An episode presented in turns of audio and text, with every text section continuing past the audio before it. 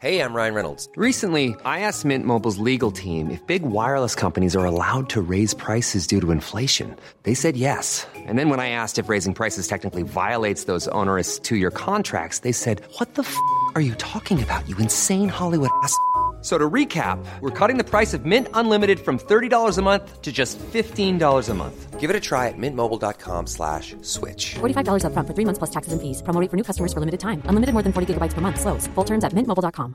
Everyone knows therapy is great for solving problems, but getting therapy has its own problems too, like finding the right therapist, fitting into their schedule, and of course, the cost. Well, BetterHelp can solve those problems. It's totally online and built around your schedule. It's surprisingly affordable too. Connect with a credentialed therapist by phone, video, or online chat, all from the comfort of your home. Visit betterhelp.com to learn more and save 10% on your first month. That's BetterHelp, H E L P.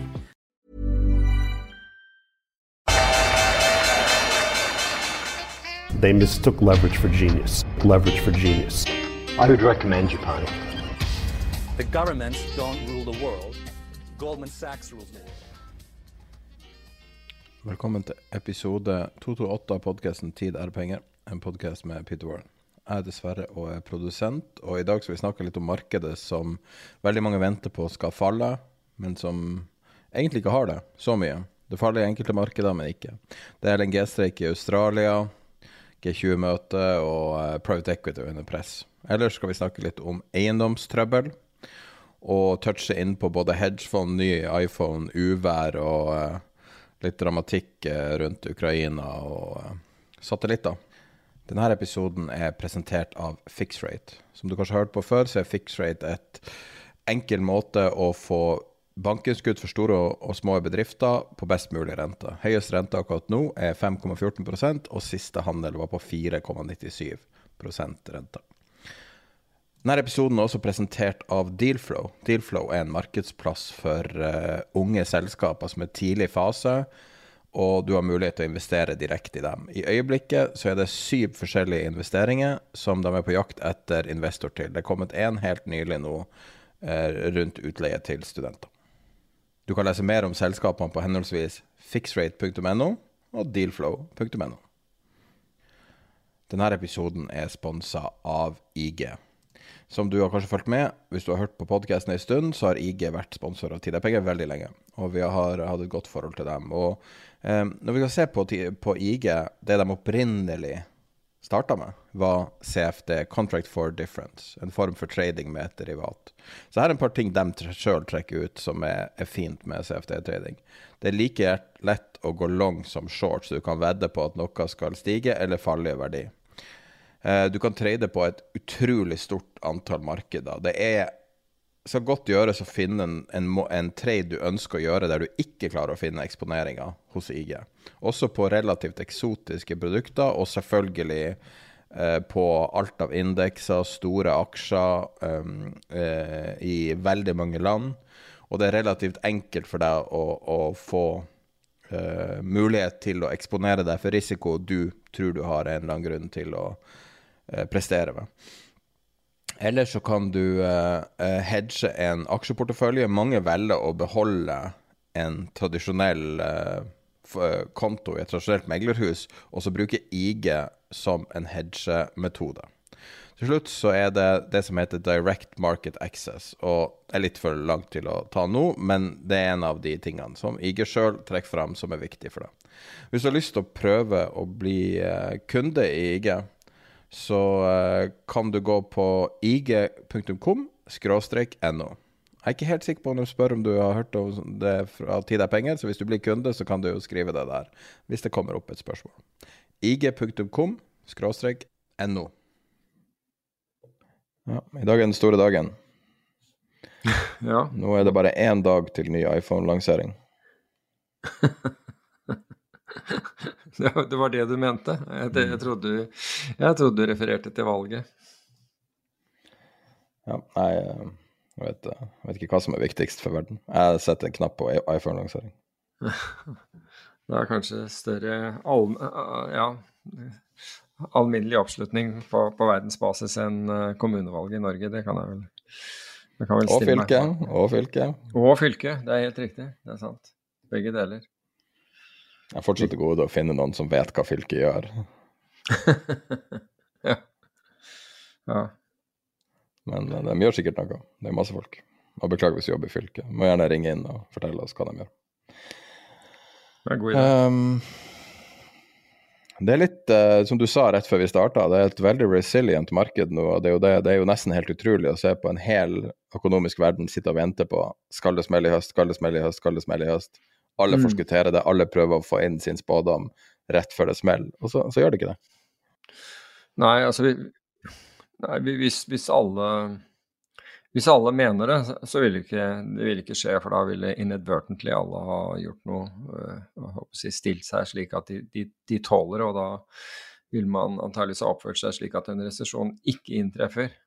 Hvis vi, ser på, hvis vi ser på markedene, så har jo de gitt tilbake noe nå den, den, øh, den senere tiden. Men altså, i forhold til utfordringene som øh, som både verden på det økonomiske står overfor, i og med den polariseringen og kostnadsøkningen eh, eh, som vi har hatt, og, og det geopolitiske som, eh, som er direkte følger av at vi har en krig i Europa, så må, jo, så må man jo enten være altså, hoderystende, men sikkert også samtidig takknemlig for at markedene har klart å holde seg så godt som de har gjort.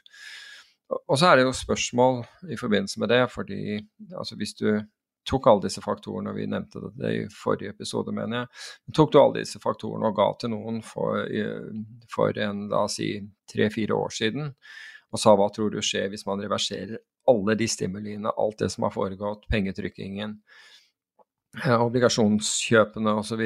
Til, til myndighetene, så tror jeg alle som en ville altså Du ville vært enstemmig at det ville bety negativt for markedet, at markedene skulle ned. Så faller markedene i, i 2022, som vi vet, men så kommer vi til, til oktober, og da har de falt kan, litt fort, litt raskt på, på, på, kort tid. Og så finner en bunn, og så er det full kjøping igjen, som om, som om krigen i Ukraina er, er over, inflasjonen er, er, er, i fritt fall og, og rentene er på vei ned. All, alle disse tingene. Men i realiteten så har, har jo alle disse faktorene bare, bare, forverret seg. Så spørsmålet er om det, det er timing. Om det rett og slett bare er timing. Fordi i ettertid så vil alle si at ja, det var jo helt opplagt at, at at, at det skulle skulle ned, på det. Og det er de færre som, som, ville si i ettertid at ja, det er helt opplagt at det var et At da skulle markedet i ny all time high. Så vi, vi, vi får se. Det er, det er hva er det, å, hva, er det, hva er det sjefen for Nvidia heter? Ah. For han, han sa Er det Altman? Nei, nei. Det er OpenAI. Du, unnskyld, det var det, min feil. Det var OpenAI Ja, det var OpenAI jeg, jeg mente. Altså ifølge han at, er at hvis du Den eneste måten du kan forutsi fremtiden på, er å skape den selv. Uh, han, han, siterte noen andre, riktignok, men jeg syns det var et veldig godt, veldig godt sitat. Så det er, det er, altså da, da, har du en viss grad av, av sikkerhet. Men, men ellers så kommer man til kort. Men vi kan jo se hva som beveget seg i, i, i forrige uke. og Fraktrater altså det er normalt sett ikke så, så, positivt. Det betyr jo at varer og tjenester, eller i hvert fall varer, blir dyrere. Fraktrater, bulkrater, skvatt opp 9% i, i forrige uke. Representert gjennom den ETF-en som man kan kjøpe som, uh, som uh, investerer i slike. Og så har du grayscale. da, altså Du fikk jo en litt høyere bitcoin-priser, og det gjorde at Grayscale Trusten var opp 4,4% og det er vel den som leder an i år. Uh, Newcastle Coal, som sagt, dette er Australia, men opp 3,2. Det er en forklaring på hvorfor akkurat kullprisen er oppe i, i uh, Australia. Det, det, det, henger sammen med den LNG-streiken, vil, vil, jeg tro. Uh, vi kan komme inn, inn på den etterpå. Og Brent, altså olje, fortsatte, fortsatt oppover. Brentolje var opp 1,7% i, i forrige uke. Og det vi ser der, er jo at både Saudi, Saudi-Arabia og, og, Russland har vedtatt da å, at de produksjonskuttene som de har gjort, skal, skal vare ut året. Så, og det gjorde også at den åpne balansen av spekulanter, som da går, har gått long olje, var, var markert opp i forrige uke. Uten at det tallet er på noen som helst måte historisk høyt. Det må jeg, må jeg, det må jeg tillegge. Det er ikke sånn at, at det alene skulle, burde, gjøre, man burde gjøre en bekymret. Hvis vi ser på til nedsiden, så er det jo interessant at mens bulkratene var ledende til oppsiden, så var tankratene ledende til nedsiden. Med et fall på 7,5% også representert gjennom en ETF som da investerer i, som, uh, investerer i frakt uh, futures. Gass, og det er ganske interessant, altså den europeiske gassen, nederlandsk om man vil, TTF-en, var ned 6,7% Det til tross for trusler om streik i Australia. Og helt mot slutten av eh, forrige uke, jeg tror det var på fredag, så, så kom meldingen om at det var streik ved LNG-anleggene i eh, Eller i hvert fall ett eller to anlegg i, eh, i Australia. Og det gjorde jo altså at prisen umiddelbart steg 10% på gass. Jeg tror det har sluttet dagen opp 5% så den ga fra seg ca. halvparten av, av, oppgangen, men var ned 6,7% på, på uken. Nå skal det sies at det er jo Chevron som altså det, Dette er jo en sånn dette, det, det, er en arbeidsstreik, altså streik etter uh, høyere lønninger. Og Chevron har valgt da å istedenfor å, å forsøke å komme da arbeiderne eller arbeidsorganisasjonene i møte her nå, det, det, mener, det, mener, Chevron at de allerede hadde gjort, så går de nå rettens vei for å få, for å få løst denne, denne konflikten. Så det, det, foregår der, og det er klart at dette har betydning globalt hvis det, hvis denne streiken vedvarer rett og slett fordi eh, Australia supplerer, eh, det, forsyner, uh, står for en, for en, så stor andel som de gjør av den globale LNG-tilførselen. Utover det så var uh, amerikansk naturgass også ned, ned 5,7 i, i, i forrige uke. Skulle jeg sett på andre ting, så jo så utmerket Oslo Børs her. Det var kanskje ikke den største utmerkelsen, men det var i hvert fall opp 0,04% i en periode hvor veldig mange andre markeder var ned. Bl.a. Uh, verdensindeksen for aksjer falt 1,4% i, i forrige uke. Ser vi, men ser vi dette på, på uh, year to date, altså for, uh, for 2023, så er da Oslo Børs nå opp, eller var opp til og med fredag, opp 6,5% mens verdensindeksen er opp 13,5 eh, eh, for året. Men det interessante her er egentlig hvis du da ser på den internasjonale kjøpekraften, altså hvis du måler Oslo Børs i dollar, så er Oslo Børs ned 2 eh, i år. Så for internasjonale investorer så har ikke Oslo Børs de senere årene vært, en, vært et bra sted å, å, å ha pengene. Jeg så på en del andre ting mens vi var i gang. Jeg så bl.a. på norske kredittobligasjonsfond, og der er faktisk Alfred Berg eh, suverent ledende med, med 11 avkastning eh, hit, hittil i år.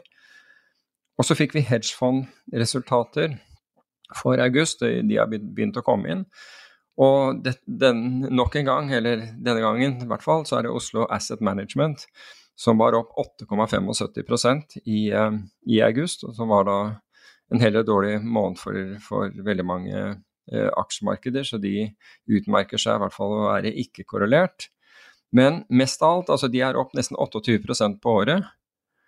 Og det har gjort at de er høyt oppe på denne listen. altså Ikke bare er de kommet med igjen på den listen av de 20 eh, beste eh, fondene i år som, som eh, storbanken HSBC gir ut ukentlig, men jeg tror de er blant de tre-fire beste, beste, der. Og en annen oversikt viste at de var blant de fem beste fondene, hedgefondene i verden, målt over, målt over jeg tror fem år. Så veldig interessant og, og veldig ålreit at at, norsk, at, det er et norsk hedgefond som, som hevder seg så, så brukbart, syns jeg. da.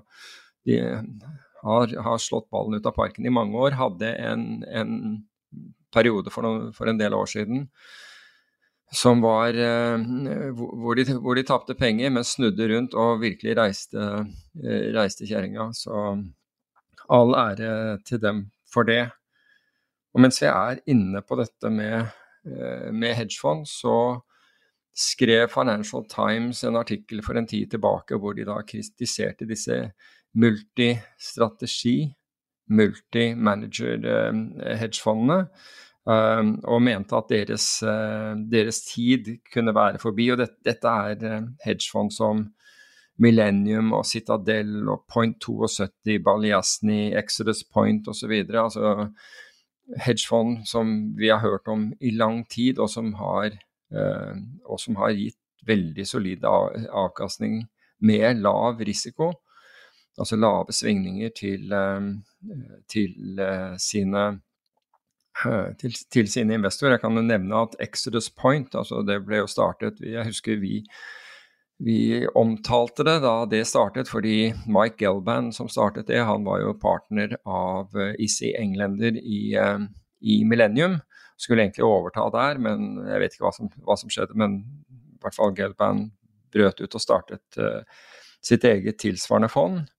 Og ingen hedgefond i verden har, hatt, har fått inn så mye penger på dag én som de gjorde. Jeg tror det var 18 milliarder dollar på, på, på dag én, så det var liksom en solid uh, en, uh, en, en, solid start for dem. Men i hvert fall Goldman har da gjort en, en studie av disse hedgefondene. Det finnes totalt ca. 40 såkalte multistrategi, multimanager. Og bare for å forklare hva det er, så er det da Altså tenk på et sånt stort banktradinggulv, sånn som man hadde før i tiden, hvor, hvor eh, noen handlet renter, noen handlet valuta, andre handlet eh, opsjoner, aksjer osv. Alt befant seg på, på et gulv. Og det var jo egentlig det som lå til grunn for å starte denne eh, hedgefond med, med, med lignende talenter. Og det, ved å gjøre det på den måten, så har man mange områder som, eh, for, som, kan tjene penger. Og alt har med risikokontroll å gjøre, så den som sitter med den over, overordnede risikokontrollen, må virkelig vite hva de, hva de, driver med. Men det er jo ofte slik at noen strategier virker i noen markeder og ikke så godt i andre. Og gjennom å ha, ha eh, et så bredt scope som de har, med eksperter innenfor de forskjellige områdene, så sørger de for at de får én lave svingninger, og at det fins områder som innenfor, innenfor den, det de tilbyr, som stort sett tjener, altså et eller annet område tjener penger hele tiden, og det har jo vist seg med, med, med de resultatene. Men i dette så, samlet, så gjorde Goldman en sånn siste ti års sammenligning, og jeg tenkte at det er ikke så fair med de siste ti årene annet enn at du har fått et regimeskifte sant, fra 2021 til 2022, ikke sant, der hvor, hvor sentralbankene sluttet å Eller ikke sluttet, i hvert fall én. Altså Federal Reserve sluttet å, å stimulere markedene, mange av andre har fortsatt å gjøre det.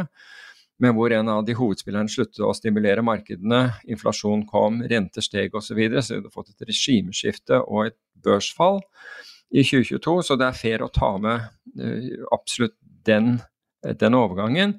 Men de siste ti årene vet vi at har vært stort sett preget av eh, finansiell støtte til markedene da, gjennom kvantitative lettelser osv. Men i løpet av disse da, så, så, de, så, så man på hva har aksjer alene levert i annualisert avkastning.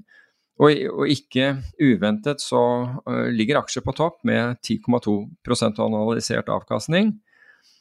Mens hvis du, hvis du hadde en portefølje av en 60-40-portefølje, 60% aksjer, 40 eh, obligasjoner, som veldig mange eh, porteføljer eh, består av, eller i hvert fall besto av den gangen, så hadde du hatt 6,2% annualisert avkastning.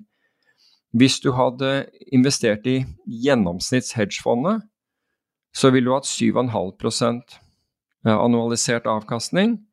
Mens hvis du hadde investert i multistrategi, multimanager, så ville avkastningen din vært på 8,2% annualisert.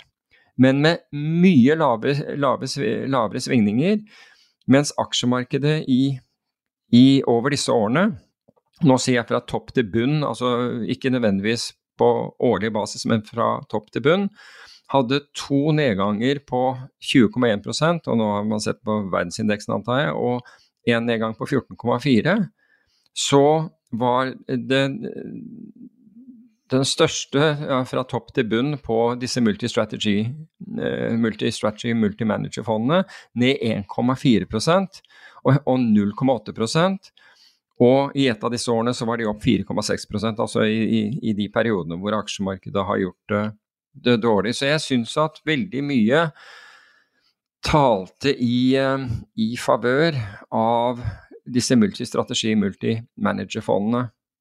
Det som har vært, en, eh, vært oppe til debatt, og jeg ser rimeligheten i det, er eh, stadig økte honorarer til, eh, til, til, disse fondene. Stadig økte både faste honorarer og, og, og suksesshonorar. Er trukket, disse er trukket fra i, i de tallene som, Eh, som jeg nevner.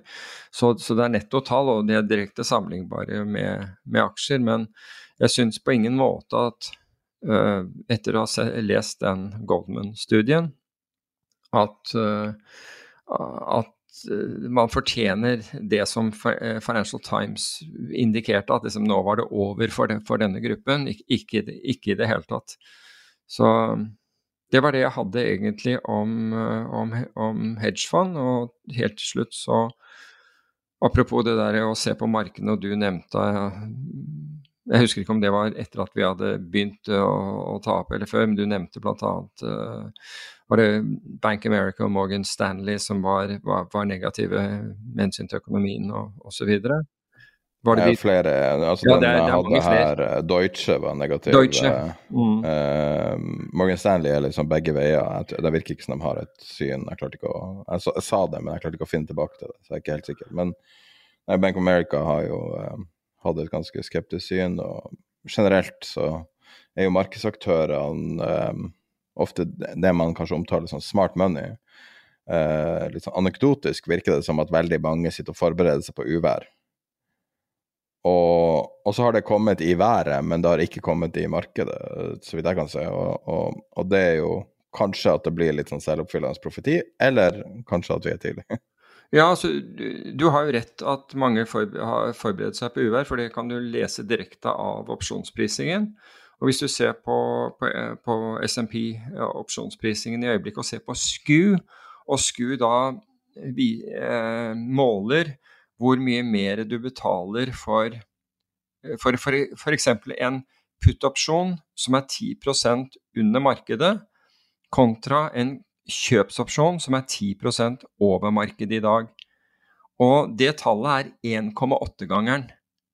Så du betaler nesten dobbelt så mye for å eie en salgsopsjon som skal beskytte deg hvis markedet faller mer enn 10% enn, en du må betale dersom Eh, du ønsker en kjøpsopsjon som, som, som gir deg en utbetaling på uh, hvis markedet går over 10% Og dette er, dette er en ettårsopsjon, bare, bare så det, det, er sagt. Så skuen, selv om ikke skuen er på noen måte rekordhøy, så reflekterer den helt klart at folk ønsker å beskytte seg mot uvær. Og så kan du si at det gir to muligheter, selvfølgelig. Det, altså det gir muligheter for mange ting. Du kan gjøre mange opsjonsstrategier på, på, basis av, eh, på, på, basis av denne forskjellen. Men f.eks. dersom du var nå um, du trodde markedet skulle gå oppover, så, gir, så, så kunne du da utstede denne put-opsjonen, altså som, som, først vil komme til anvendelse hvis markedet faller eh, 10% eller mer, så kan du si at da får du markedet 10 lavere. Da, da, får du kjøpt eh, enn det er i dag. Og så kunne du bruke de, da, det du får inn der, til å kjøpe en kjøpsopsjon som er mye nærmere enn 10% hvis du brukte hele det beløpet. Som er mye nærmere enn 10 eh, til oppsiden.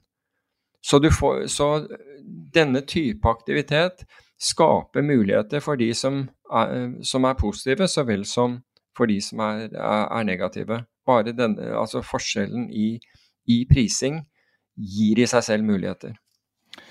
En person som er skeptisk til framtida, selv om han kanskje ikke sier det i klartekst, så hans fokus virker å være på ganske skepsis, er den nye eh, eh, finanstilsyndirektøren Per-Mathias Kongsrud. Han hadde en presentasjon i forrige uke der han snakker om seg sjøl og skal presentere seg til omverdenen, og samtidig da eh, snakke om markedet og diverse ting. Og veldig mange Jeg har ikke sett presentasjonen, men vi legger en link til slidesen i, i nyhetsbrevet som går ut. Og eh, når du ser på slidesen, så ser du at han sammenligner med ut, eh, altså boligprisfall, de verste boligprisfallene i eh, nyere historie i forskjellige markeder. Han eh, eh, altså det, det, er litt den der ideen om higher for longer, at, at man ikke kan forvente at nødvendigvis renten går ned, går ned med en eneste gang. Mm. Og, eh, og, det er veldig mange av grafene hans som har et eh, generelt uh, negativt syn. Han, han, han, limer inn en del grafer fra deres forskjellige stresstester, og hvordan de forskjellige scenarioene vil utspille seg på de forskjellige tingene. da, F.eks.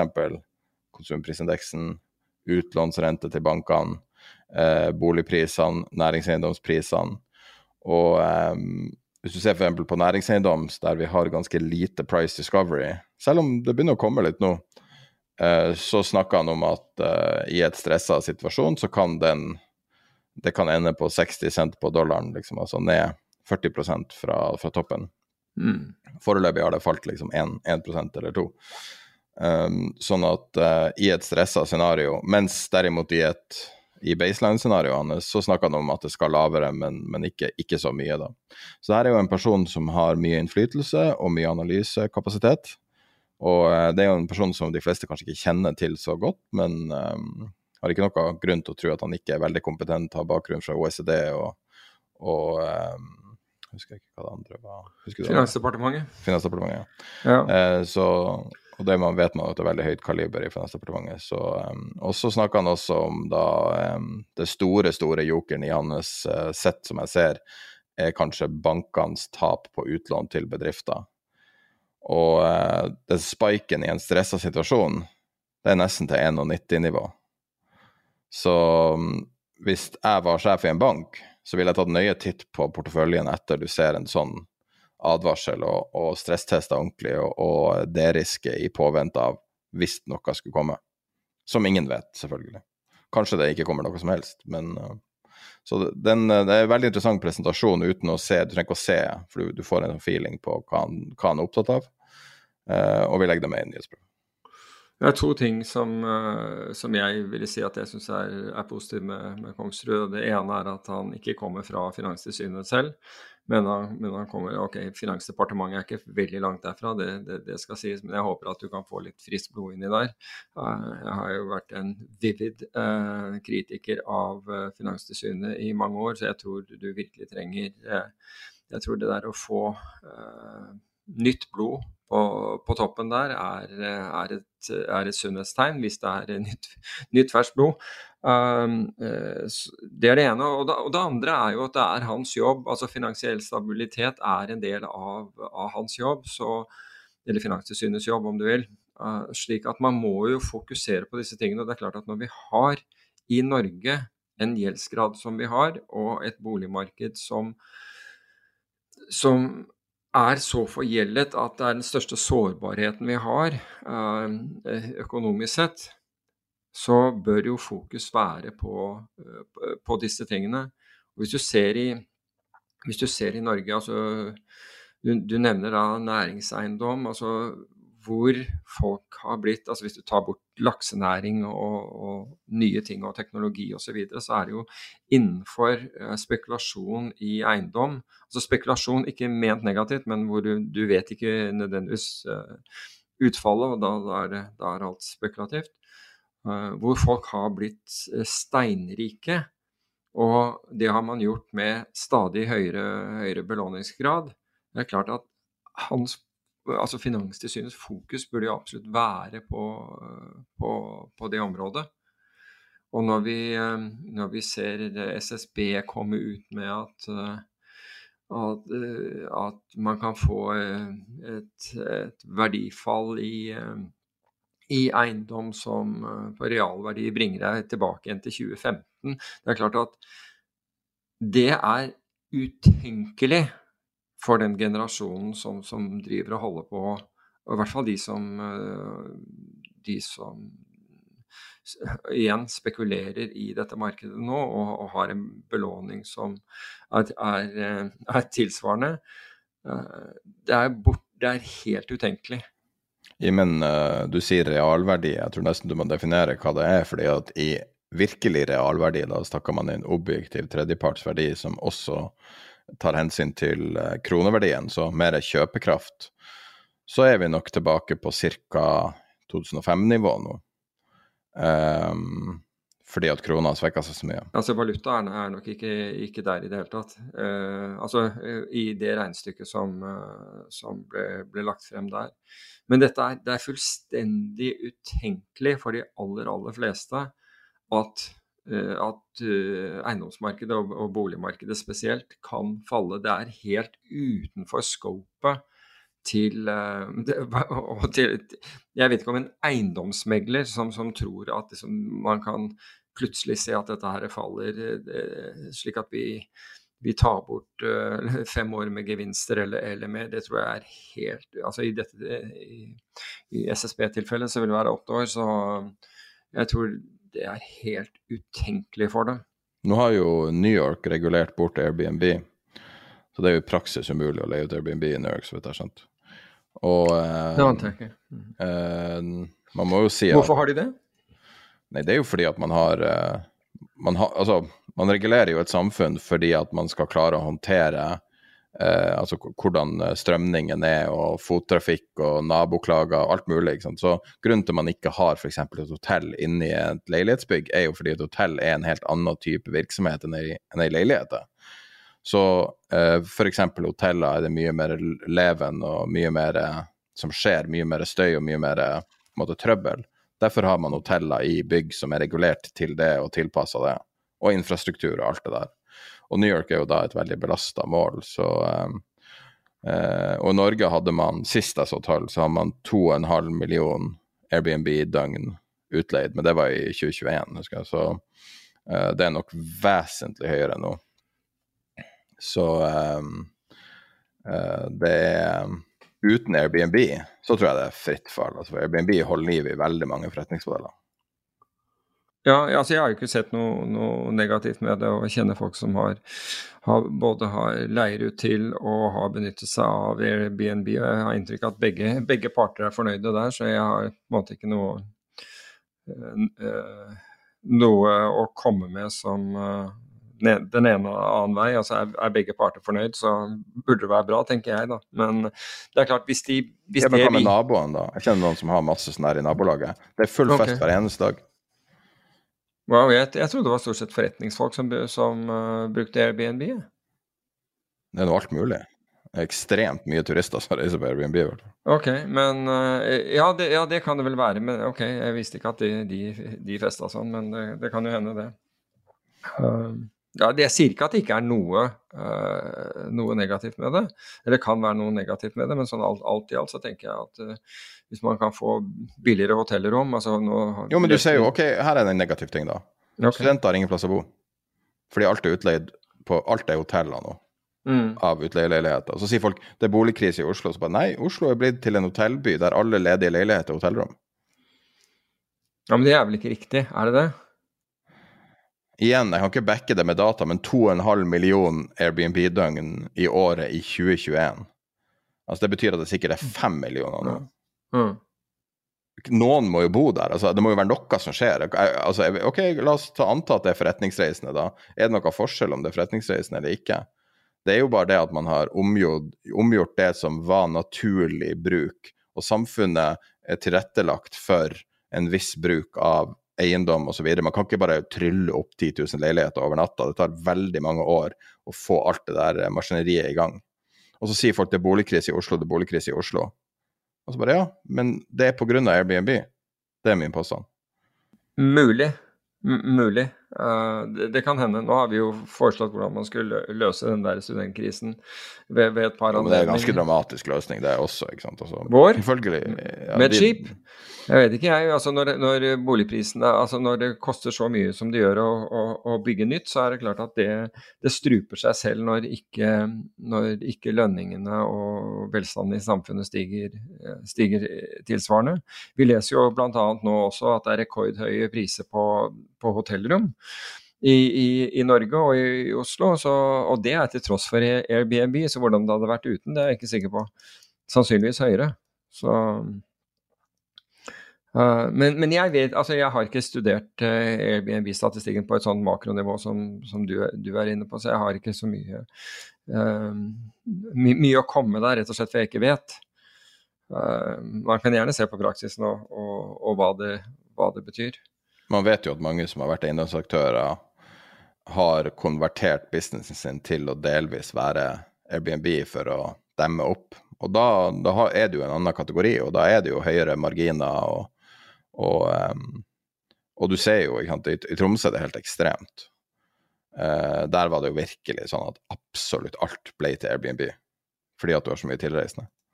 Og der er det jo ganske begrensa antall boliger, sånn at det skal veldig lite til for å fylle opp alle hotellene og alt sånt. sånn der er det jo folk som har gjort enorm business på det. Igjen på bekostning av ting som studentboliger. Ja, tegn i tiden. Jeg vet ikke. Um, Nei, men Det hadde vært interessant å sett det i, eh, det i forhold. Så er det jo det der at hvis du f.eks. skal leie ut til studenter, så kan du ikke leie ut for eh, altså Hvis du skal ha bestemt deg fordi eller du har fått et assignment i utlandet i noen måneder, så kan du ikke bare leie ut til studenter for de trenger bolig for, for hele året. Så, så, da faller du utenfor. Men uh, uh, Så det er jo nok noen av disse leilighetene, uh, Airbnb-leilighetene, som ikke er som ikke ville bli tilbudt studenter uansett, og hvor da man kan få, man kan få inn leie. Og så er det jo ikke for det, det, det er jo uh, sameier som nekter fremleie også, for den saks skyld. Det skulle nesten ikke vært lov i en sånn situasjon, men det, det, det er jo et tilfelle. Så du får rett og slett ikke lov å leie ut. Så, og da sitter du og, og betaler husleie på, på, et eller annet, og enten så er det fordi du har tenkt å flytte dit i, i, eh, i fremtiden, eller så må, må, du håpe på verdistigning, for det, det koster penger å, å, bare sitte på det. Uh, men, uh, men, nok om det. Uh, ellers, for øvrig og, Men skal vi ta mer om eiendom? Vi har litt mer om eiendom. Ja, la oss kjøre på det. Um, nei, for det er jo um, Det er litt interessant. Det er liksom um, et marked i med to ansikt, litt sånn Jekyll and Hyde. Litt avhengig av hvordan bransjeavis du leser. Så hvis du leser ne.no, og det er ikke noe kritikk av dem, jeg forstår godt hvorfor de, uh, hvorfor de ønsker å være positive og ønsker å være Hvilken, hvilken .no? Jeg fikk det ikke med meg. Ne.no, næringseiendom. Oh, ja. Den klassiske bransjeavisen. Der står det bare om nye prosjekter, og det virker som å være et marked i god, eh, god vigør. Og jeg tror ikke det er en nyhetsavis, jeg vet ikke, det står nyheter, men jeg vet ikke om det er nyheter. Men det er liksom muligheter og, og closinger og sånne ting. Og så hvis du går på den relativt nye avisen som heter Eiendomswatch, som er en del av det danske Watch-konsernet, så er det litt annerledes. da. Så bare de siste par dagene så er det så mye elendighet å lese der om næringseiendom. Og du begynner å få en reprising i markedet også. Og det her er, eh, er jo litt i takt med det vi hører om utbyggere som går konkurs hver eneste dag. Det er jo den ene saken. Og så ser du da norske eiendomsinvestorer. altså Vi trenger ikke å navngi noen, men det er jo bare å gå inn og se sjøl hvis du vil lese om det. Men Uh, der du ser at store selskaper med store porteføljer har blitt nedprisa, taper penger. De aller største næringsinvestorene i Norge har fått eh, priser ned porteføljene sine. Det er enorme likviditetsproblemer for veldig risiko, det man ser nå, risikovillige investorer som har bygd ufattelig mye hus, som nå har trøbbel med en gang renta stiger. Og så har du eh, historier om brudd på låneforpliktelser, enorm gjeld og trøbbel med å refinansiere obligasjoner. Du har problemer i Sverige. Nå, nå får de faktisk eh, tilgang på kapital i de svenske eh, eiendomsselskapene, men det er jo kortsiktige obligasjonslån. Du kan tenke deg rente og alt på det der. Det må jo være helt katastrofe. Men det er mulig å få nok av da, inn. og så, og så har du da en generell nedprising av markedet, og det vi på en måte har venta på, som vi lurte på når skulle komme, begynner å komme med de store børsnoterte og store som, som ikke kan sitte og vente. De må endre prisinga. Så eh, vi, har, vi har link en par av de sakene eh, som kommer i nyhetsbrevet også, som er bare at eh, det, det røyner på i øst og vest, og det er veldig store summer som må finansieres opp også. Men det er jo også selvfølgelig sikre verdier til en viss grad, så, så det spørs. Jeg vet ikke hva du tror. Vi snakker jo om det her hver uke på et eller annet vis, men uh, nå begynner det liksom å trykke litt ekstra på, følelser. Ja, så, så, lenge renten forblir høy, så kommer jo det til å Altså, renten er høy, og likviditeten er lavere generelt i markedet. Så og, altså likviditeten som i tilgang på penger. Uh, så er det klart at det, det gjør vondt. Det gjør ordentlig vondt når uh, og nå leser vi, det var forleden dag, at, eh, at eh, et av meglerhusene som da De norske meglerhusene har lagt ut alt altså alt de har lagt ut er ganske sånn kortsiktig finansiert, og det er jo kjempebra, fordi da får du veldig mye mye honorarer. ikke sant? Hver gang det skal refinansieres, så får du nye honorarer. Men problemet er at rentene har gått skyhøyt opp i mellomtiden. Og nå nå snakker man om å Det var et behov, et betydelig at det var milliard refinansiering som måtte gjøres uh, nå før uh, slutten av året på forskjellige prosjekter. Og alle disse prosjektene kan du forvente vil, bli, vil få en lavere verdi. Noe som gjør at det er ikke gitt at det er, at det er penger igjen. Uh, altså ut, utover, utover gjelden. Og det er klart at når, når, disse tingene begynner å skje, nå skal det da dras inn penger av noen som da skal, som skal putte penger i dette. Og hva er det de putter penger i? Jo, det, altså allerede så er gjelden slik at Eller verdien har falt ned til, til, til gjeldsverdien. Så hvilken sikkerhet har du da hvis du, putter, hvis du nå skal være med på å refinansiere dette her? Det, det, skal, bli, det, det skal bli interessant. Uh, og jeg tenker jo at jeg tror det var Jeg husker ikke hvilken jeg, jeg, tør ikke å nevne hvilken eh, avis, siden jeg ikke husker hvor jeg, hvor jeg, leste det, men i hvert fall forslaget var om at, at i så fall burde det gjøres som konvertible, konvertible obligasjoner, delvis fordi ved å, ved å, hente inn via en konvertibel obligasjon, så uh, vil renten være lavere, nettopp fordi du får en konverteringsrett til, til aksjer eller til, til eiendommen, om du, om du vil. Eh, eie en del av, av, eiendommen, og dermed så, siden du får den retten, den retten i seg selv har en verdi, og dermed så uh, så det betaler du gjennom å forlange en, en lavere rente, så det er bra for, uh, for låntaker, for å betale mindre, men de må gi fra seg en del av, av eierskapet hvis dette går, går til værs. Og det er sikkert en bra måte å gjøre det på i forhold til Altså Andre alternativ er, er, jo en skyhøy rente, og så sitter man der og håper på at det skal, at det skal være noe igjen hvis dette her må, må, selges, eller at du må strekke det lenger ut i tid. Så, så jeg tror dette her er en bransje under considerable pain i, i øyeblikket. Men det er jo som i alle situasjoner, og du nevnte, du nevnte den der podkasten med med, av, med, med, han som administrerende direktør i Renaissance eh, Technologies eh, i, i dag. Og, og, som jeg også har hørt. og annet Der sier han altså årsaken at de overlevde Flash Crash og Quant Quake og alle disse her, var jo at de, at de hadde nok penger. De hadde nok penger til å sitte med, med, med gode investeringer og ikke bli klemt ut. Og det var Uh, The Differentiator, som jeg ikke i farta husker hva heter på norsk. Men det var det som var forskjellen mellom dem og, og veldig mange andre, som da måtte kaste kortene på bunn. De hadde, de hadde passet på å ikke belåne seg helt i pipa. De hadde fleksibilitet, så det gjorde vondt. Men de hadde kapitalen intakt, eller de hadde kapital intakt til å kunne sitte. Var... Lov, når du sier det der, kan jeg få lov å gi deg heder og ære? Okay, I offentlighet. Alltid. Go ahead. Så i forrige uke, når det var den der um, saken med Fredriksen og det selskapet jeg ikke Eller det fondet som jeg ikke klarer å uttale, men uh, det fondet som han trakk seg ut av veldig dramatisk, plutselig en dag. Mm. Og så sendte jeg deg melding, eh, eller ringte deg, og så sa jeg bare faen, det var weird. Når var sist gang Jon Fredriksen tok penger av bordet? Hva det betyr det her, liksom? Jeg tenkte med en gang sånn, er det her en eller annen makroøkonomisk indikator, eller uh, Normalt sånne type aktører ikke, Det er veldig sjelden de trekker penger ut, de er hele tida i gamet på et eller annet vis. Det var min antakelse.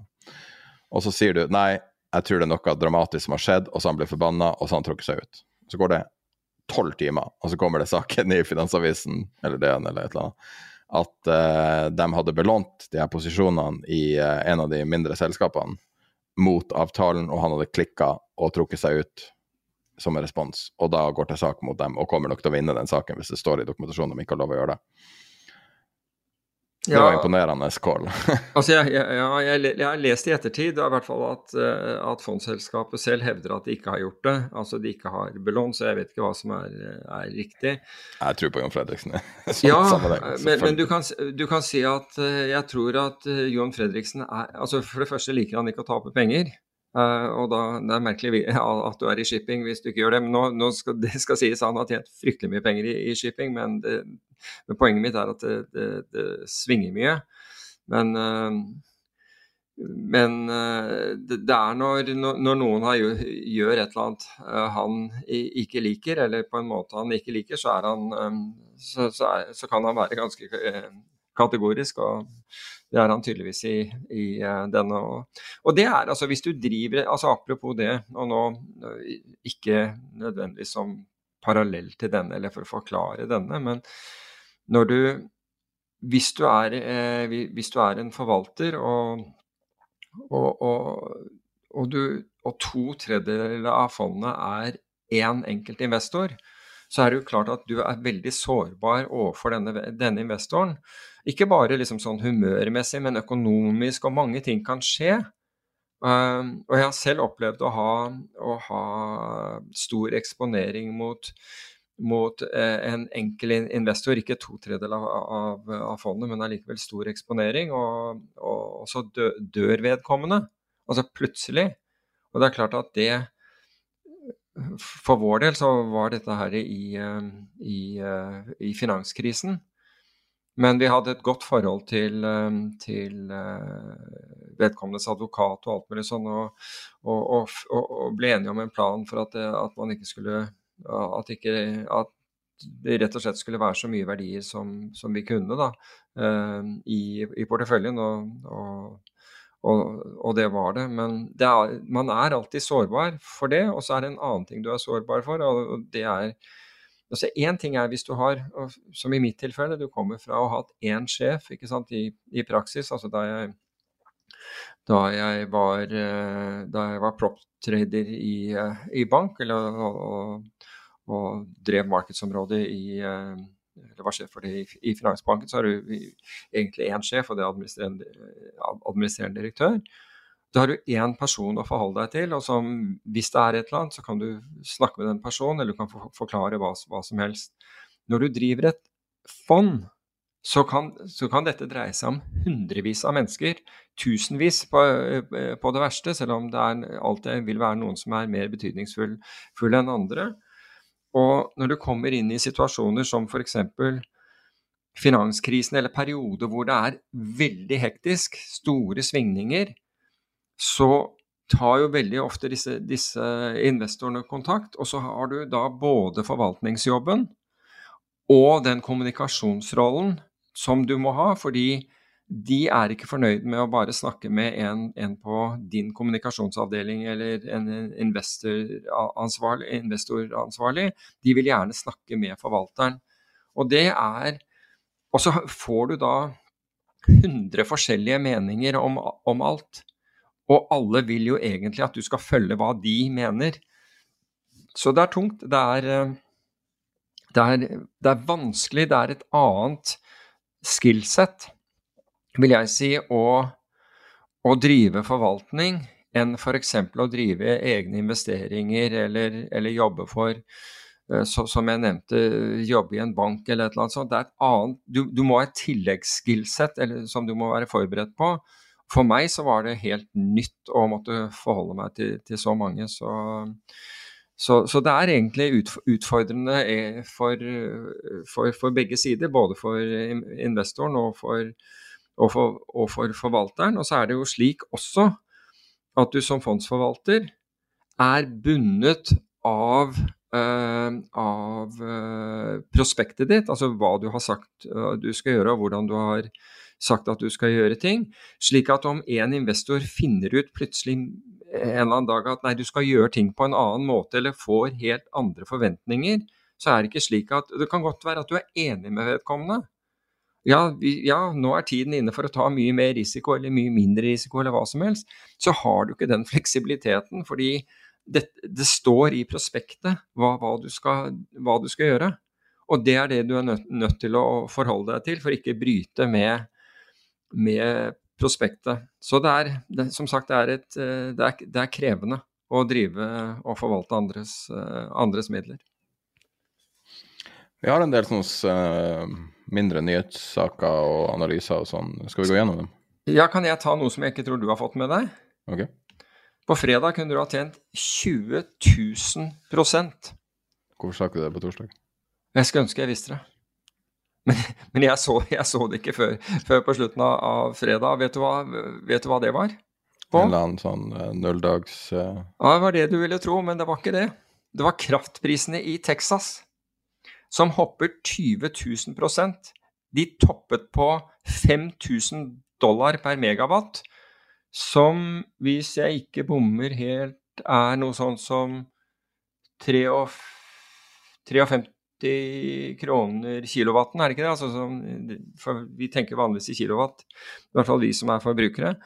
Så, men, mens vi snakket om 11 kroner kilowatten i vinter og var helt fortvila, så, så, var den oppe i tre, tilsvarende 53 kroner.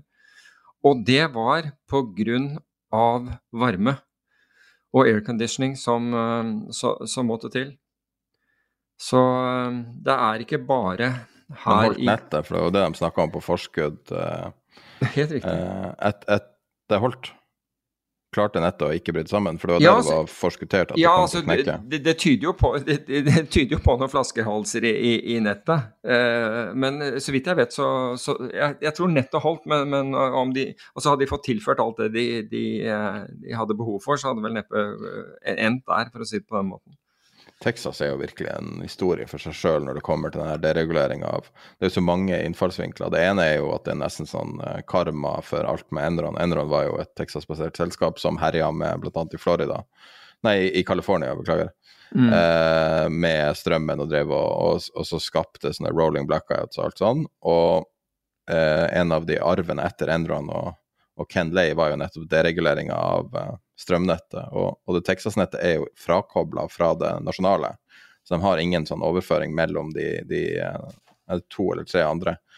Eh, sånn at de er helt alene med det. Og så har de da et nett som verken tåler varme eller kulde, virker det som. Mm. Nei. Uh, og andre sånne kuriositeter. altså Vi har jo snakket om, og du har vært inne på det flere ganger, dette her med amerikanske statsobligasjoner og, og hvem, det, hvem, det, er som eier. ikke sant? Blant annet Kina eier det, og, og mange andre. Ja, Japan er det største eksterne. Japan, helt, helt, riktig. Men altså Kina har, er, har, nå eh, Kinas beholdning er nå på, på laveste det har vært på, på, på 14 år.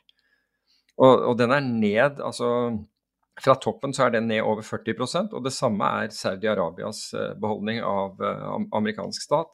Så vi skjønner at det er en viss sånn press på Eh, på, på statsobligasjonen der borte, altså som da bidrar til å holde den renten oppe. Så, så lenge disse, disse, disse, selger, altså nedgang i kurs betyr oppgang i, eh, i rente, så, så får ja, det, Den gode siden er at for de som kjøper, så får de det i hvert fall godt betalt for, eh, for, for å sitte på papirene. Men det er klart at fra USA-ståsted så må man være litt bekymret over over dette, dette nedsalget, vil jeg tro.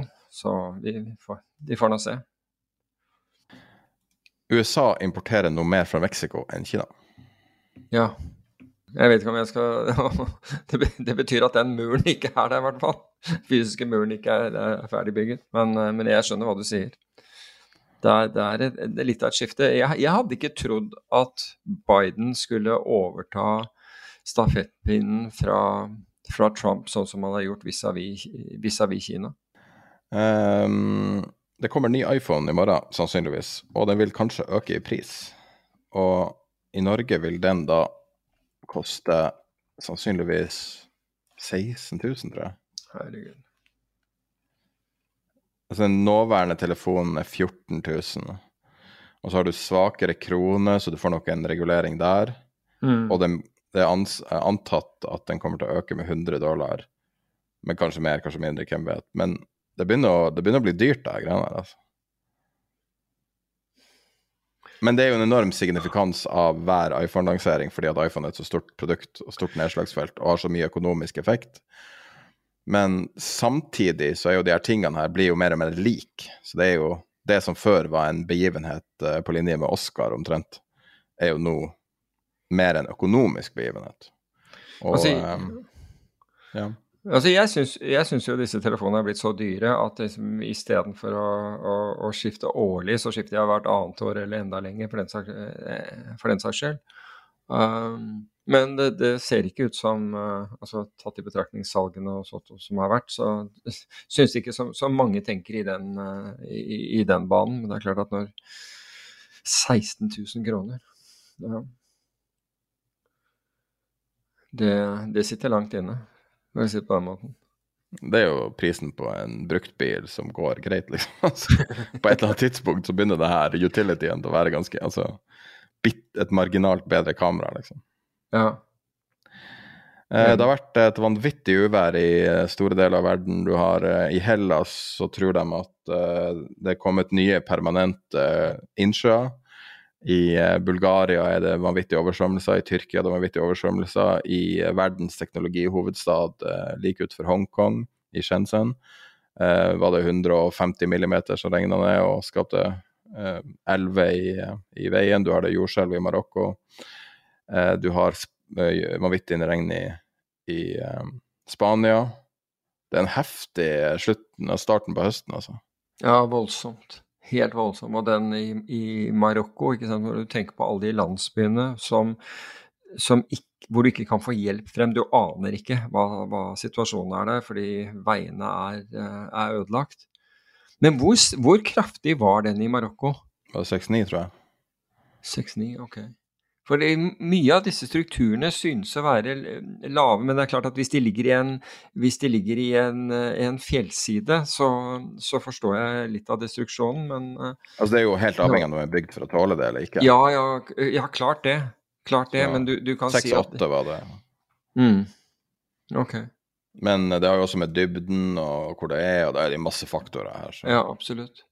Men for en katastrofe. Japan er jo bygd for å tåle jordskjelv. Mm. Sånn som Florida er bygd for å tåle flom. Nå er det jo eh, eh, det som er det største uværet, eller den sterkeste vinden tror jeg noensinne målt i Atlanterhavet, er det orkanen Lee som ligger nå.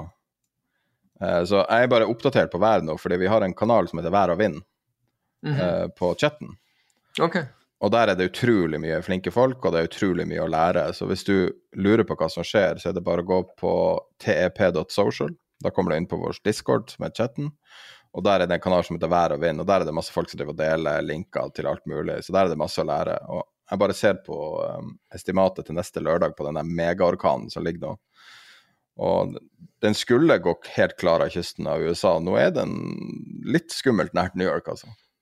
Og det her er virkelig svære greier, altså, foreløpig. Så det, Men det er en fin plass å være oppdatert. Det er der jeg oppdaterer meg på hver ting folk, veldig mange flinke folk der som, eh, som, deler linker til alt mulig, og man kan lære seg om det som foregår. Jeg kan ingenting om vær personlig, men bare ser det jeg ser, liksom. Vi har fordelen av å, å i hvert fall ha, ha hatt eh, statsmeteorolog som, eh, som gjest på podkastene. Der lærte jeg mye for øvrig, bare så det er sagt. Eh, og så har eh, en eh, bilselger gjort kvalitative vurderinger på frontlinja i Ukraina og eh, hjulpet Russland. Hva var det du sa nå? Det er en, en bilselger som har gjort hva? Kvalitative vurderinger av eh, frontlinja i Ukraina og eh, bidratt til å stoppe angrep der. Ok. En, bilse en bilselger. Elon Musk. Å, nå er jeg med. Bilselger. Ok, greit. Ja, den Det er litt spesielt, syns jeg. Altså når en bedriftseier altså Nå er han jo mer enn det. Altså, du, du tenker jo med at han skrudde av Starlink. Her er det han sa sjøl. There was an emergency request from government authorities to activate Starlink all the way to Sevastopol. The obvious intent being to sink most of the Russian fleet at anchor. If I had agreed to their request, then SpaceX would be explicitly complicit in a major act of war and conflict escalation. Ja, så han, så han er nå blitt amerikansk utenriksminister på, uh, per sjel, er det, er sånn å forstå? Er Hvis du får nok subsidier, så tror jeg du slutter ende opp som det. Ja, det er mulig, men han uh, Altså, han Hvordan tror du reaksjonen er i Ukraina på det? Ja, du kan si at i, i Ukraina så er de ekstremt takknemlige for den Starlink Altså for at Starlink finnes, selvfølgelig, fordi all annen infrastruktur er jo, er jo blitt slått ut, slik at det er Eller ikke all annen, men de klarer å bygge opp igjen, men den, den er under stadig angrep. Slik at uh, veldig mye fungerer takket være, takket være Starlink. Så jeg tror at det skal mye til at ukrainerne begynner å, uh, å kritisere Elon Musk. Men jeg vil jo tro at det han her gjør, kan være i konflikt med amerikansk foreign policy. Og da kunne jeg jo tenke meg at den amerikanske stat og regjering er mindre fornøyd med, med hans opptreden. Og det ville for, nærmest forbause meg om ikke det ble uttrykt på en eller annen måte. De har putta seg sjøl i en spesiell situasjon med å la bedriftseiere gjøre veldig mye. Og mye infrastruktur. Og det her er jo helt åpenbart en konsekvens av det. De får makt av det. Men dette, det, hele dette kommer vel fra, fra denne biografien som, som, er skrevet om han nå, er det ikke det? Av han der Walter Isaacson? Mm. Han, han har jo innrømt det. Nå siterte jeg hans egen tweet. Ja, ja jeg, jeg, vet det. Men, men altså, Isaacson sier jo at, at uh, Musk er drevet av demoner. Jeg vet ikke om han mener det bokstavelig talt, eller, eller, hva, men uh, uh, det, det, fortalte han jo til Financial Times. Det er også snakk om at han, han bruker dissosiative narkotiske stoffer. Det har jo, vært åpent spekulert i store mediehus, og det har jo vært mye snakk om det, noe han også har forsvart, som er da gjør det sannsynlig. Hva slags, hva slags stoffer er det? Jeg kjenner ikke til dem. Ketamin. Ketamin? Det er jo, det er jo et narkosemiddel. Mm, det er et narkotisk stoff også. Heroin var jo smertestillende opprinnelig, liksom. Så. Ja, det er vel ketamin og ketalar og disse her også, så vidt jeg vet, men uh... Ja, ketamin i store doser gjør at du dissosierer at koblinga mellom kropp og hjerne forsvinner. Det er et veldig utbredt narkotisk stoff som han har uttrykt veldig mye glede av okay. på, på sjøl, og det har vært snakka ganske åpent om at det Og det her er den personen, da. Frakoble hjerne og kropp. altså, det, intuitivt så virker ikke det som en tilstand som du ville søke, søke oppnådd, men uh, hva vet det? Det kan godt være at det er fantastisk, eh, en fantastisk behandling for mange ting. De snakker jo om å bruke det for depresjon og alt mulig. Og det er ikke det jeg sier, at prøve å kritisere noen for å, for å oppsøke sånne ting. Og det brukes jo mm. i, i bl.a. å bedøve folk og alt sånt. Men det er litt sånn bekymringsverdig når det her mennesket sitter og, og tar sånne typer avgjørelser. Mm. For øvrig hørte jeg, altså mens jeg er inne på narkotika, så hørte jeg en rystende historie i, i forrige uke om om en ungdom som prøvde eh, sopp, og jeg vet ikke om, om, det er virkelig sopp, eller om, er, om sopp er uttrykk for et, eh, et, syntetisk hallusinogen, for alt jeg vet. Men, med, men det, det, hadde dødelig utfall av en som da ikke eh, altså, Første gang man prøver noe, og så ender man ender i et dødelig utfall, det, altså, kan du tenke deg noe mer tragisk? Er sopp sopp, eller er det et uttrykk for, eh, for noe annet? Ikke spør meg, men det høres jo ut som at det er det. Jeg vil tro det. Ja, altså jeg trodde også, og, og, da har det liksom vært snakk om fleinsopp og, og, og sånne ting, men jeg aner ikke Det har et eller annet navn. eh. Ja, det, Men det virker å være Det her virker å ha gått eh, til å bli en vitenskap som Altså, folk snakker om det her med termer som jeg går mye over mitt hode, i hvert fall. Så jeg, jeg, jeg vil ikke uttale meg. Nei, men eh, jeg bare tenkte at liksom dette altså Jeg har aldri hørt om hallusinogen som på en måte gir en sånn effekt at du, at du, at du faktisk ender opp med å ta livet av deg. Og det er, nå snakker jeg ikke om at du går ut i trafikken eller hopper fra en bro eller et eller annet sånt, men eh, det var mer eh, dramatisk enn det. Men det hørtes jo bare helt forferdelig ut uansett. Så for dere der ute som vurderer sånt noe, så hallusinogen, der skal tydeligvis være forsiktig. Det er helt klart. Så jeg var spora av når du begynte å snakke om narkotika og um, Jeg legger med en link eh, til et par av de sakene, bare for dokumentasjon på den påstanden. Det er ikke min påstand, jeg vet ikke hva han holder på med. Oh, ja. Eh, Det har stått masse i media om det. Mm. Jeg legger med en link i nyhetsbrevet. Bra. Uh, er det noen flere narkotiske stoffer skal vi snakke om? Vet du hvem som betalte mest skatt i Storbritannia i fjor? Nei, for du legger aldri linker når du legger inn sånne ting. Nei, jeg ville ikke gjøre det, for da hadde, da hadde du visst svaret. Da hadde du visst svaret på det. Men det var sjefen for XTX, Alex Gurko. Altså, XTX er jo antageligvis en av de aller største øh, high frequency market-makerne. Er Både i valuta og altså Definitivt i, i valuta er de vel største av de som ikke er banker, og de konkurrerer blant bankene. Men han fakt var faktisk Alex Gurko. Uh, var den største skattebetaleren i Storbritannia i fjor. Og hvorfor hans navn dukket opp, det var fordi de ønsket å plassere eh, cashen sin et eller annet sted eh, hos, i en eller annen bank. Også fordi han opprinnelig var russer, har bodd i Storbritannia i mange år.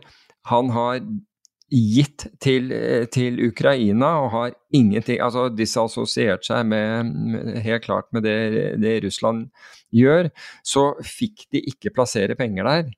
Og så har han gått til sak da mot, eh, mot eh, denne banken, og i forbindelse med det så, så dukket dette, dette opp at han var eh, den største skattebetaleren. Altså Hvor mye er det snakk om? Jeg vet ikke. Jeg husker ikke hva det var. Men uansett hvor stort det er, så tror jeg han har råd til det. Han har formue på 100 milliarder kroner. Ja, ja, jeg, jeg sier ikke at han ikke har råd til det, det var ikke for å sy- synes synd på han, men det var egentlig for, altså, Det var en high frequency trader som er, eh, som er Storbritannias største, eh, største skattebetaler. Jeg syns det var interessant informasjon. Jeg har en til deg, da. Mm. Hvem er det som jobber nest minst i Europa? Nest minst. Du vet svaret. Ja. Nest Norge etter Danmark, er det det? Ja, Dan Dan ja, sånn du sitter med kartet foran deg. Nei, nå, jeg gjør faktisk ikke det nå. I, no I Danmark så jobber man 1381 timer i året. Og så er det 1384 i Norge, er det det? Og så Tyskland 1386. Ja. Så det er de landene. Og så Nederland jobber også ganske lite, 1440. Eller så jobber de eh, vesentlig mer eh, både i eh, Spania og i Frankrike og Italia. Så de, de, til tross for at de har siesta midt på dagen, så jobber de mer enn nordmenn.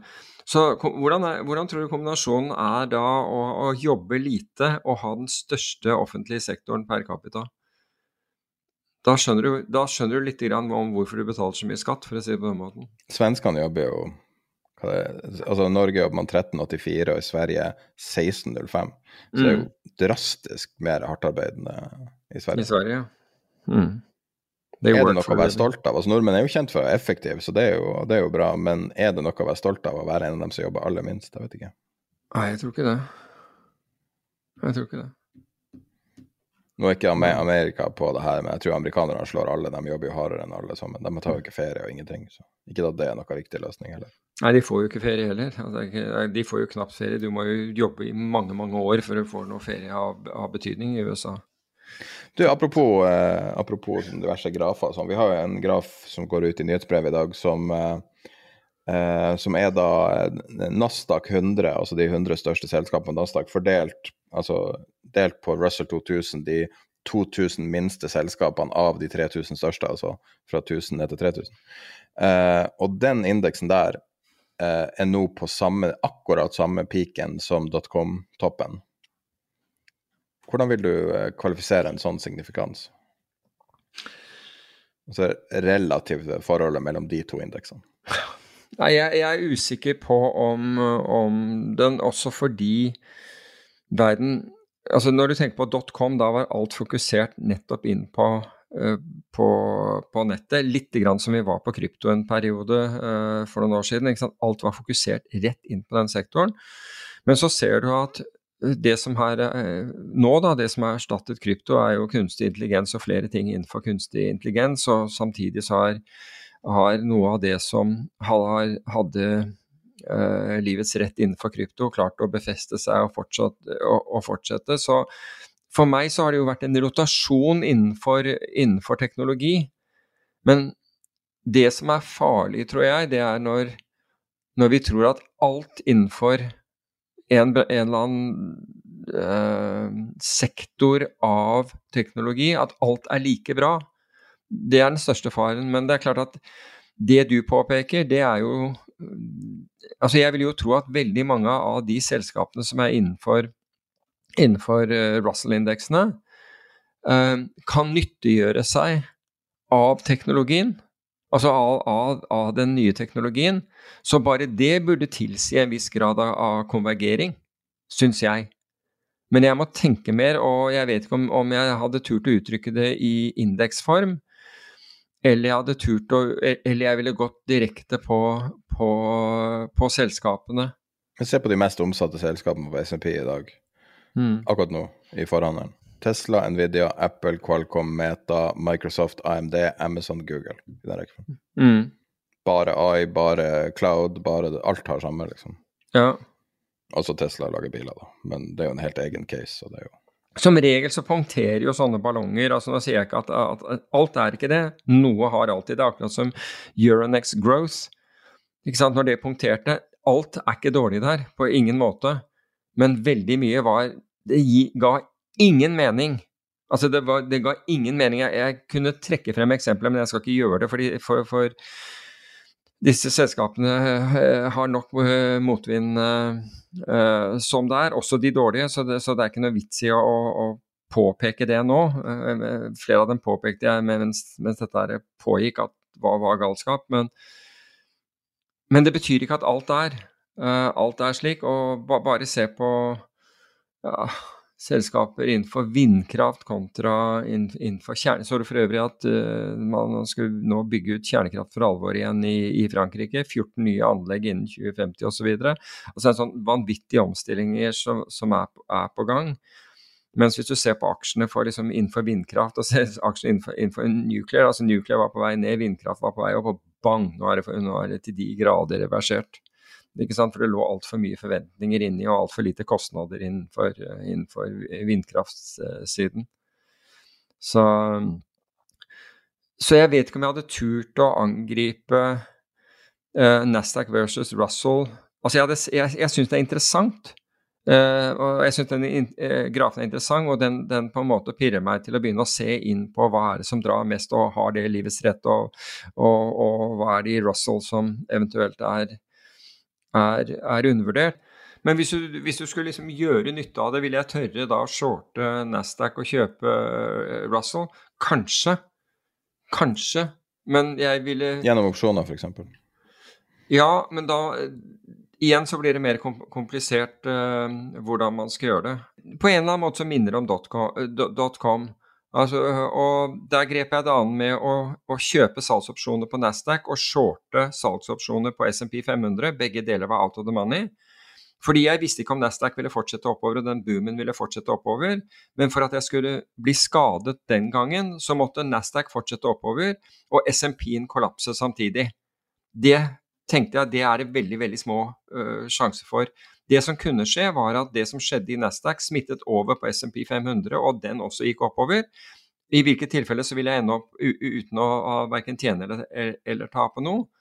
Men dersom Nasdaq da falt, og den falt mer enn, vesentlig mer enn fordi jeg mente at den var vesentlig uh, for høyt priset i forhold til SMP 500, dersom den falt, Eh, så, så, ville den falle mer enn SMP 500.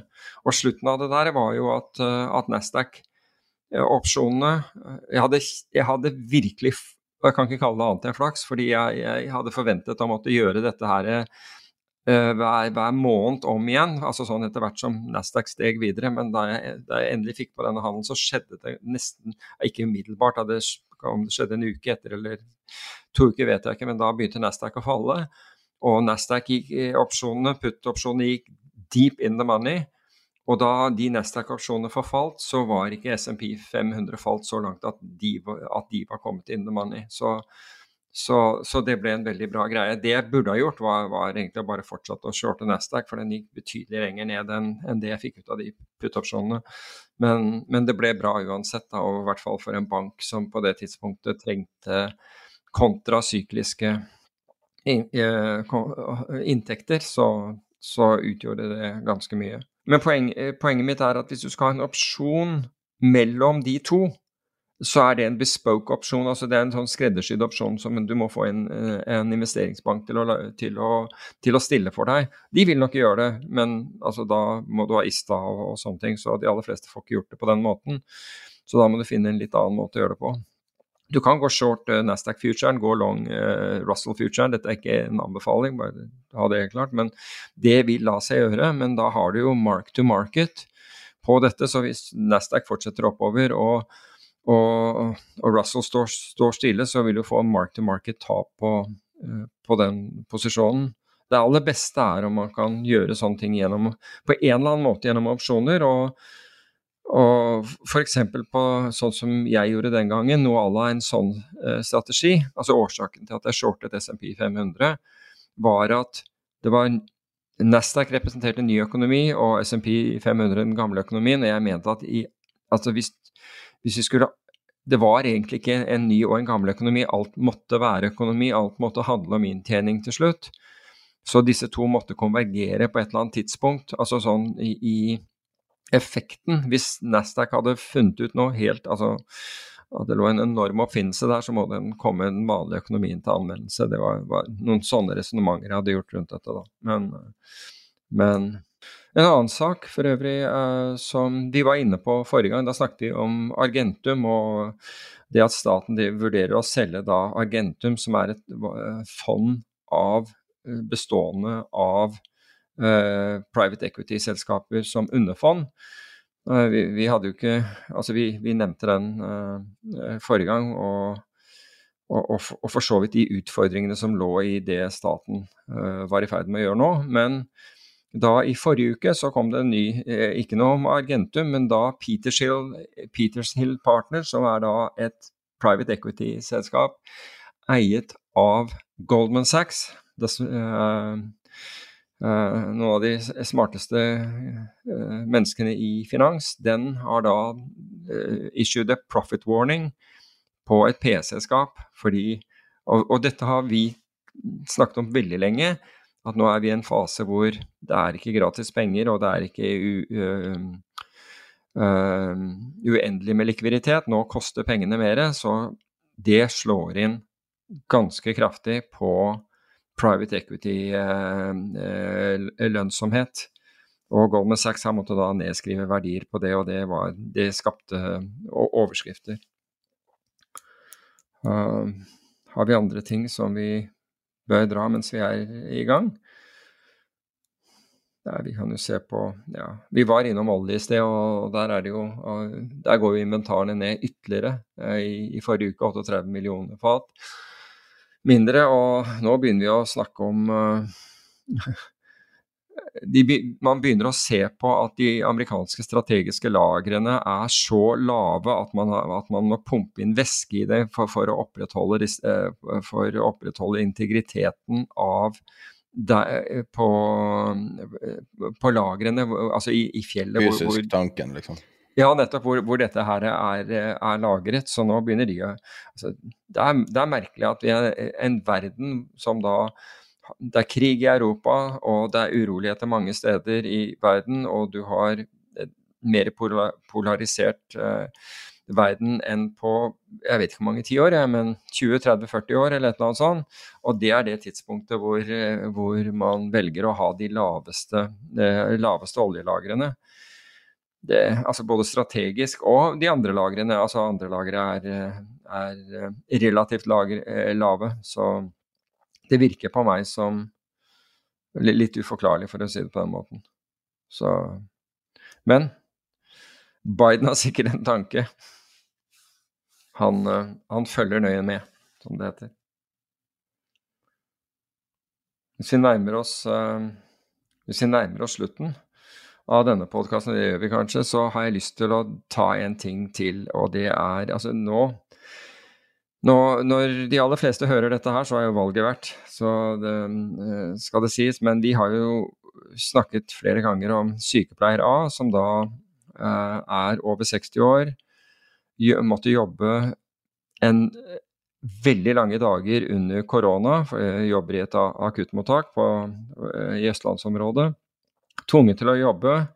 Eh, mannen mister jobben, har også en sønn som, eh, som eh, bor hjemme.